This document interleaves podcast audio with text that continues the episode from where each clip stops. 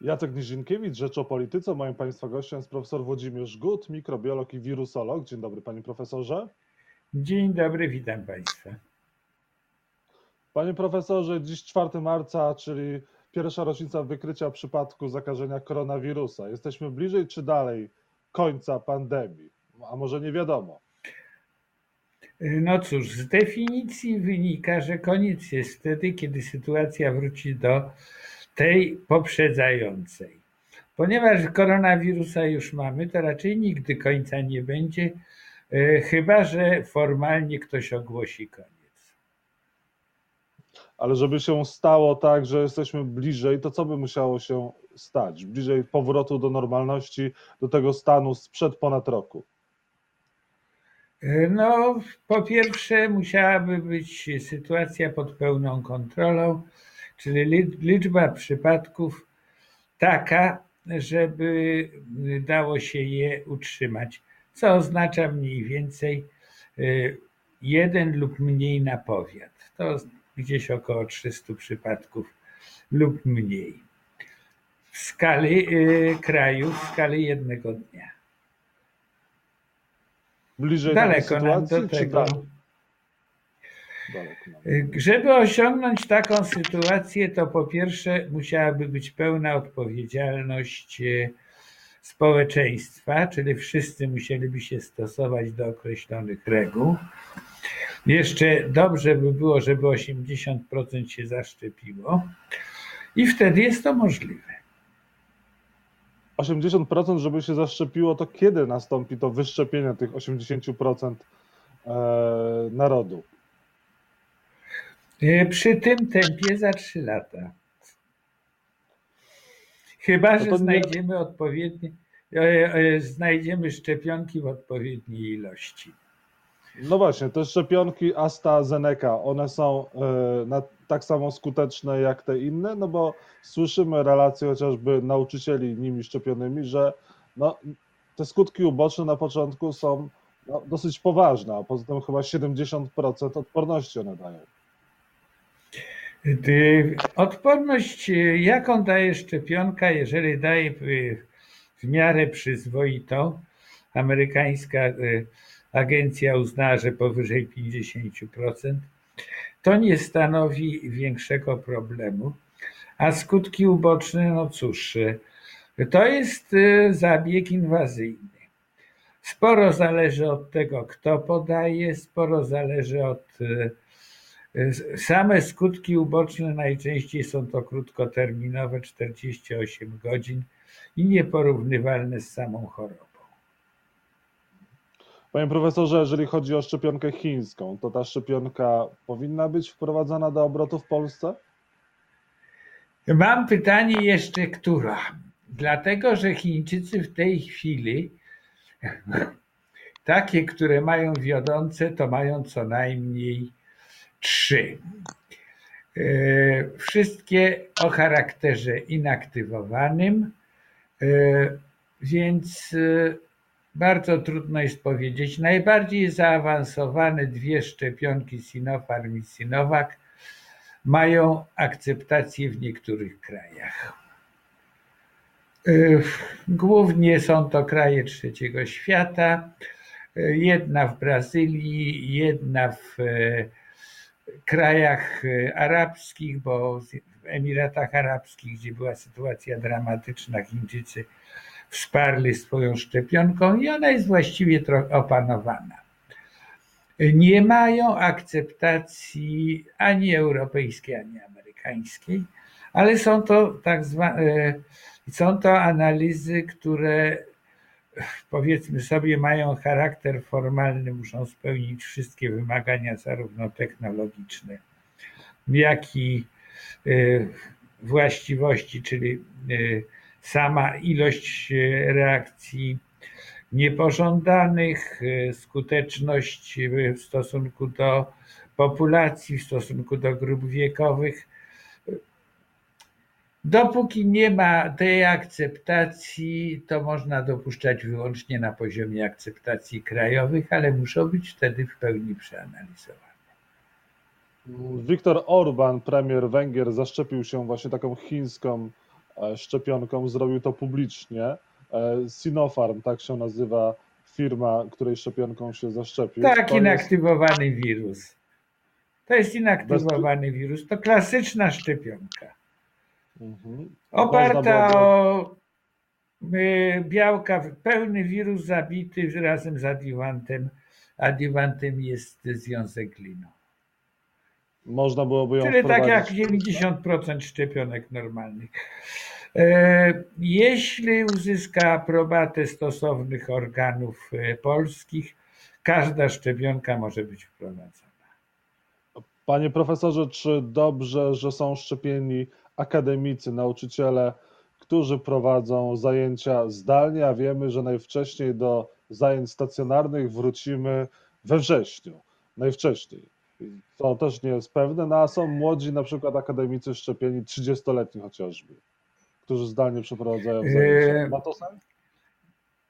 Założenie mówiło, że należy zaszczepić nauczycieli z prostego powodu. Będą mieli kontakt z grupą, która nie jest szczepiona, ale jest to grupa do lat 18, ponieważ szczepionki są badane na ochotnikach a nikt poniżej 18 roku życia nie ma uprawnień do zgłoszenia się jako ochotnik.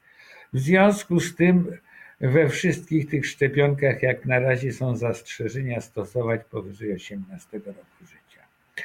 A szczegółowo jak się rozpatruje grupy nauczycieli, oczywiście są to nauczyciele ze szkoły podstawowej, którzy, którzy będą mieli kontakt z normalny z uczniami. E, tacy, którzy są, mają kontakt trochę normalnego, trochę zdalnego. No i tu mieszczą się również nauczyciele akademicy. E, z drugiej strony trzeba powiedzieć, że im młodsze grupy wiekowe, tym rzadziej zdarzają się transmisje. Taką pracę już zrobiono. Okazuje się, że najczęściej to w kontakcie jednak z tymi dorosłymi uczniami. Y, więc bardzo trudno jest powiedzieć, y, muszą być przygotowani na moment powrotu do normalnych zajęć studenckich. Czy w tych warunkach niedoboru szczepionki to oni powinni być wybrani? Cóż, to jest y, już nie moja sprawa. Ja mogę omówić, jakie jest zagrożenie dla danej grupy. A szczepienie ozdrowieńców jedną dawką powinno mieć miejsce? Teoretycznie ozdrowieniec jest tak, jakby otrzymał pierwszą dawkę w postaci choroby, a druga dawka służy tylko wzmocnieniu odporności. Praktycznie pojawia się tego typu problem, bo wiemy, że nie ma szczepionki stuprocentowej, że w momencie zaszczepienia jedną dawką Osoby, które nie uzyskają odporności, mają mieć prawo do pretensji zaszczepieni drugą.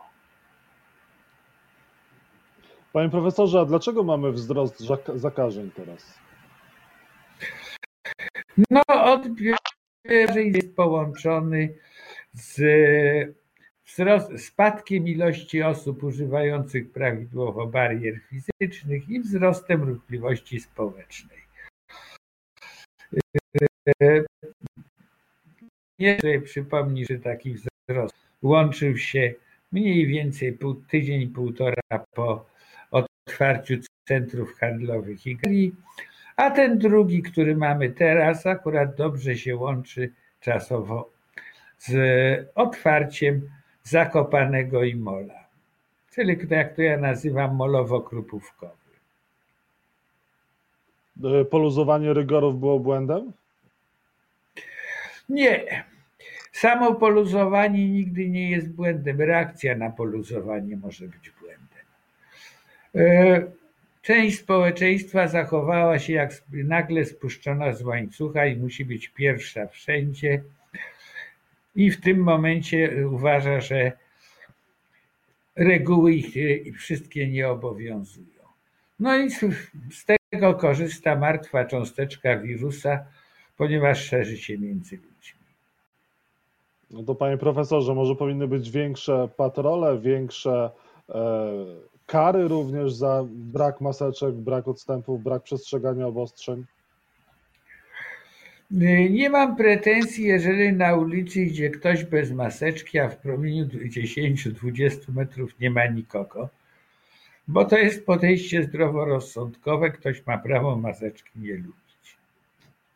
Gorzej jak stoi pół metra od drugiego i chucha na niego, nie mając maseczki. Tu, jeżeli nie osiągniemy poziomu reakcji społeczeństwa na takie zachowania, to żadne kary nic nie dadzą. Ja zawsze żartuję, że biedny zapłacze i się popłacze. E, e, bogaty zapłaci, będzie się śmiał, bo co mu tam. On jest ponadto. Tu trzeba naprawdę oddziaływania społeczeństwa. Panie profesorze, a jak długo potrwa ten wzrost zakażeń? To też zależy od ludzi. Zależy od sprawności wychwycenia tych, którzy mieli kontakt z zakażonymi, ale również zależy od tych, którzy mają już objawy chorobowe i opóźniają zgłoszenie. Trzeba pamiętać, y, zakażamy dzień przed wystąpieniem objawów chorobowych. Jeżeli sobie opuści, odpuścimy zgłoszenie do lekarza, bo może to nie to, bo chcę Y, boję się kwarantanny dla bliskich i tak dalej, to kontrolą trzeba, y, trzeba objąć grupę, z którą stykaliśmy się w ciągu dwóch, trzech dni, a to jest znacznie trudniejsze. Co, powinno być większe testowanie? Y, same testy wykonuje się wtedy, kiedy są do tego przesłanki. Bardziej dla mnie wskaźnikiem jest odsetek dodatnich E, w puli testów niż sama liczba testów. Jeśli nikt nie będzie miał objawów, to żadnego testu się nie wykona. Jeśli są objawy, to wykonuje się i tylko weryfikuje, czy dobrze dobrano kryteria dopasowania do testu. Panie profesorze, a proszę powiedzieć, czy yy, brak badania tych, którzy przyjeżdżali do Polski z Wielkiej Brytanii, to był błąd? Yy, mam tu na myśli teraz tą mutację wirusa, która jest z Wielkiej Brytanii? W momencie przyjazdu y, znaczna część tych osób mogła być zakażona, ale trzeba pamiętać o jednym fakcie. Badanie ma sens nie w momencie zakażenia, tylko powyżej trzeciej doby. W trzeciej dobie tylko u 20% zakażonych w najlepszym razie potwierdzimy, że są zakażeni, reszta się przemknie. Wynik prawdziwy uzyskujemy z prawdopodobieństwem 80% w piątej, szóstej dobie, czyli właściwie wtedy, kiedy pojawiają się objawy. Panie profesorze, a jeżeli chodzi o te mutacje, czy te szczepionki, którymi w Polsce jesteśmy szczepieni, one są wystarczająco e, skuteczne na te nowe mutacje wirusa? My jesteśmy bezpieczni, czy te mutacje są większym zagrożeniem, może się wszystko od początku zacząć? E, wszystkie dotychczasowe szczepionki oparte są o pełne białko kolca lub e, całego wirusa. W tym momencie, jeżeli zmiana by była tak głęboka, że szczepionka stałaby się nieskuteczna, to by znaczyło, że wirus przestał się przyłączać do receptora, czyli zniknął. Pierwszą mutacją, to najważniejsze, było dostosowanie do gatunku człowieka. To miało miejsce i my mówimy o szczepie ludzkim COVID-u. Pozostałe, cóż, wirusy mutują. Jeśli chodzi o, e, o to, o, tym, e, o czym my rozmawiamy, to są nawet nie pojedyncze mutacje, tylko zestawy mutacji w samym kolcu czyli białko, e, które pozwala na wejście do komórki gospodarza. I czy mają znaczenie? Na pewno mają znaczenie tam, gdzie próbuje się stosować terapię przeciwciałami monoklonalnymi, bo rzeczywiście taka terapia może stać się nieskuteczna. Nie powinny mieć znaczenia dla szczepionki, mogą zmniejszyć, zwiększyć prawdopodobieństwo powstania odporności tam o kilka procent, to jak wspominałem już na początku, nie jest najważniejsze, mogą mieć inny aspekt, utrudnić wykrywanie zakażenia. To już się stało przy szczepie brytyjskim i nie w zasadzie zamiast mówić, że szczep uzyskał zdolność szerzenia, z czego ja się śmieję, bo wirus poza organizmem jest martwą strukturą. Nie, to myśmy trochę stracili na zdolności wyłapywania przypadków zakażonych. W związku z tym zwiększa się liczba osób rozsiewających. I to jest e, gwóźdź programu. Dwie kwestie na koniec, panie profesorze. Wielkanoc, e, możemy się przygotowywać na święta rodzinne, planować wyjazdy, czy raczej powinniśmy to sobie odpuścić, zdalnie się spotykać, bo będzie zbyt duże ryzyko zakażeń? E, przy wszystkich chorobach przenoszonych drogą kropelkową dystans jest wskazany. Ale z kolei trzeba pamiętać, że jeżeli jest grupa ludzi, która zachowuje się poprawnie, a jeszcze w dodatku jest uodporniona, to te ograniczenia, o których się rozmawia, są trochę fikcją. Oni się nie pozakażają i nie przeniosą. I to ma być wypadkowa w każdej rodzinie rozsądku i sytuacji. Panie profesorze, a e, restauracje kiedy będzie można otwierać? Kiedy będzie można otwierać też e, siłownie, kluby fitness? Kiedy będzie można wrócić do koncertów w zamkniętych pomieszczeniach? E, w sytuacji, kiedy albo będziemy mieli odpowiedni poziom odporności stadnej, czyli wyszczepioną, tak jak wspominałem, autor, który mówił, że 60% wystarcza, teraz mówił, że celowo zaniżał mówi już o 80, ja zawsze mówię, że ze statystyki wynika 95, przy słabszych wirusach może być mniej.